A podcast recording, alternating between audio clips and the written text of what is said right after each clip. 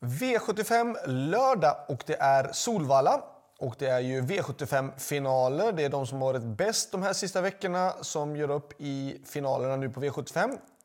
Och eh, vi börjar med den första V75-avdelningen som är stoeliten, de bästa stona i Sverige just nu. Och den som har varit allra, allra bäst är såklart nummer 10, Honey Ras, och hon är en befogad favorit. Visst, hon har bakspår. Det finns några bra hästar med emot. Men ju mer de andra motståndarna från framspår krigar, desto bättre kommer det att vara för nummer 10, Honey Miras.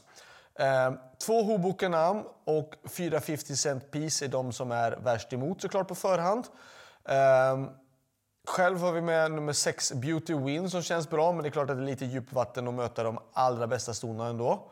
Eh, hon är alltid ganska så bra placerad, men att slå de bästa stona kommer vara svårt. 11 Betting Pacer känns förbättrad, men från spår 11 så kommer det vara svårt, helt klart. Eh, varningen för mig, då säger jag nummer tre, Barbro Kronos ändå. Hon var ju jättebra eh, när hon vann då på Axvalla.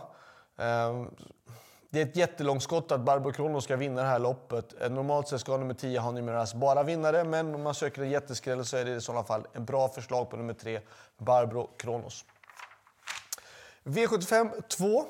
Det här loppet tycker jag är lite mer öppet. Jag vill ha med fler hästar. Jag vill med nummer 3 Drill. 4 Neon Bank, 5 Matchem som jag själv kör, 6 Knutte Sting och 10 Con Crow. Så att 3, 4, 5, 6 och 10. Ska jag nämna ytterligare någon? Varningen då, då säger jag nummer 1 Lozano Bocco på utgångsläget i sådana fall.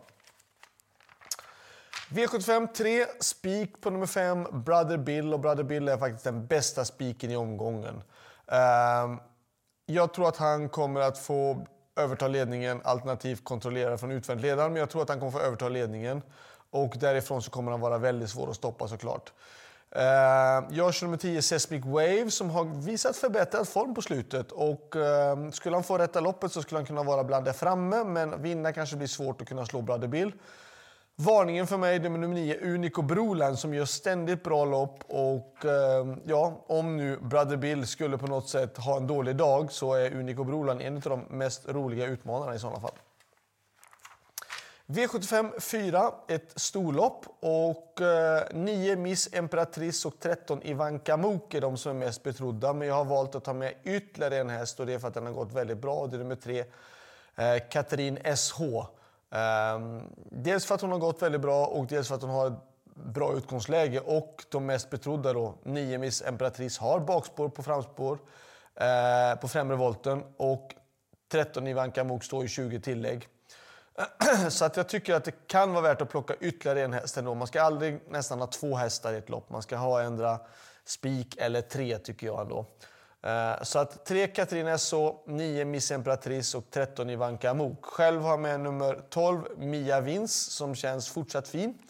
Eh, hon gjorde jättebra, men hon står väldigt dumt på det propositionsmässigt. Hon har 577 000 på sig, om jag inte minns fel så var det tillägg vid 400 000 i det här loppet, så att hon har liksom precis kommit över gränsen.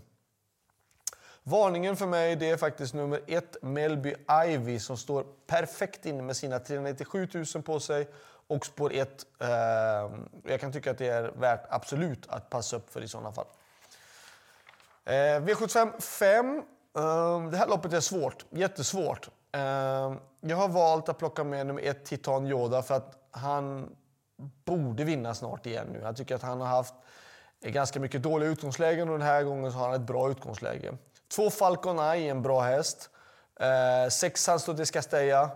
Nio Charlie Brown FE 10 LL Royal och, LL Royal och eh, 11 Amalensius BB. Så att 1, 2, 6, 9, 10, 11. Själv körde med 7 Hipsteram som är väl kanske nästa häst in på systemet om man ska plocka på. Han har ju tyvärr eh, haft väldigt dåliga utgångslägen han med. Han är alltid spår långt ut och ytterligare en gång i final så har han ett dåligt utgångsläge.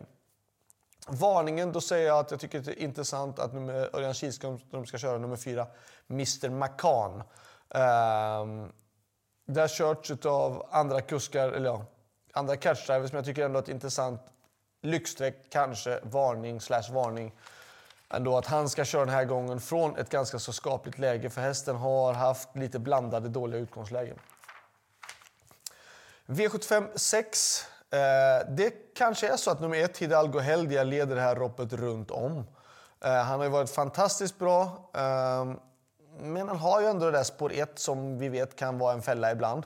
Och jag tycker det finns ändå ett bra motbud i den nummer 9 Aragorna som jag kör. Eh, men det är klart att sannolikheten ändå är ganska stor att ett Hidalgo Helgia eh, tar spets och leder loppet runt om. Och han kommer vara svår att springa både ett längre lopp utvändigt och snabbare än vad han såklart och från ett bakspår med nummer 9 Aragona. Så det är klart att det är ingen lätt uppgift. Men om vi har redan hittat två andra spikar så då kan jag tycka att man ska ta eh, minst två hästar och som jag säger, man ska egentligen inte ta två hästar, man ska ta tre hästar alltid. Antingen ska man ta en spik eller då tre hästar och då har jag valt med sju Hannibal Face.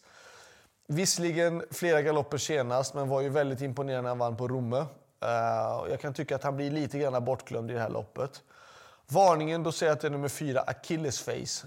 Eh, det står här att den ska gå barfota fram. Eh, den har i alla fall ett bra utgångsläge och statistiken ljuger ju inte. Det är de bästa spåren. 4 och 5 är de, de spåren som vinner mest alltid i autostart. Eh, annars är det alltid de här 2, 1 till 6 såklart då. Men eh, 4 och 5 är de absolut bästa spåren ändå. V75 7, sista avdelningen. Eh, jag vill ha med nummer 1, Deklam. 2, John King Boko. 3 Imperator Am, 4 Pure Muscles och 10 Laredo Boko. 1, 2, 3, 4 och 10. Varningen, ja. Eh, en häst som inte blir eh, alls lika mycket betrodd men som har varit väldigt hårt betrodd hela tiden och det är nummer 9 Global Crusader. Han fick eh, ge sig eh, på Romme som favorit. Nu är han helt bortglömd. Eh, det är klart, de andra hästarna är jättebra, men jag kan tycka ändå Global Crusader är absolut en varning i loppet. Och ska man ta då en, eh, en, sjön, en sjätte häst då, så kan jag tycka att det är värt det. Men 1, 2, 3, 4, 10 ska rankas före. Slutsummering, bästa spiken är såklart i den tredje avdelningen, nummer 5, Brother Bill. Och min bästa chans, ja, den som jag tycker måste sträckas i alla fall, det är avdelning 2, nummer 5, Matchem. Ehm, det är den som jag tycker har störst chans utav de som jag kör denna lördag. Ha det bra och lycka till. Hej då!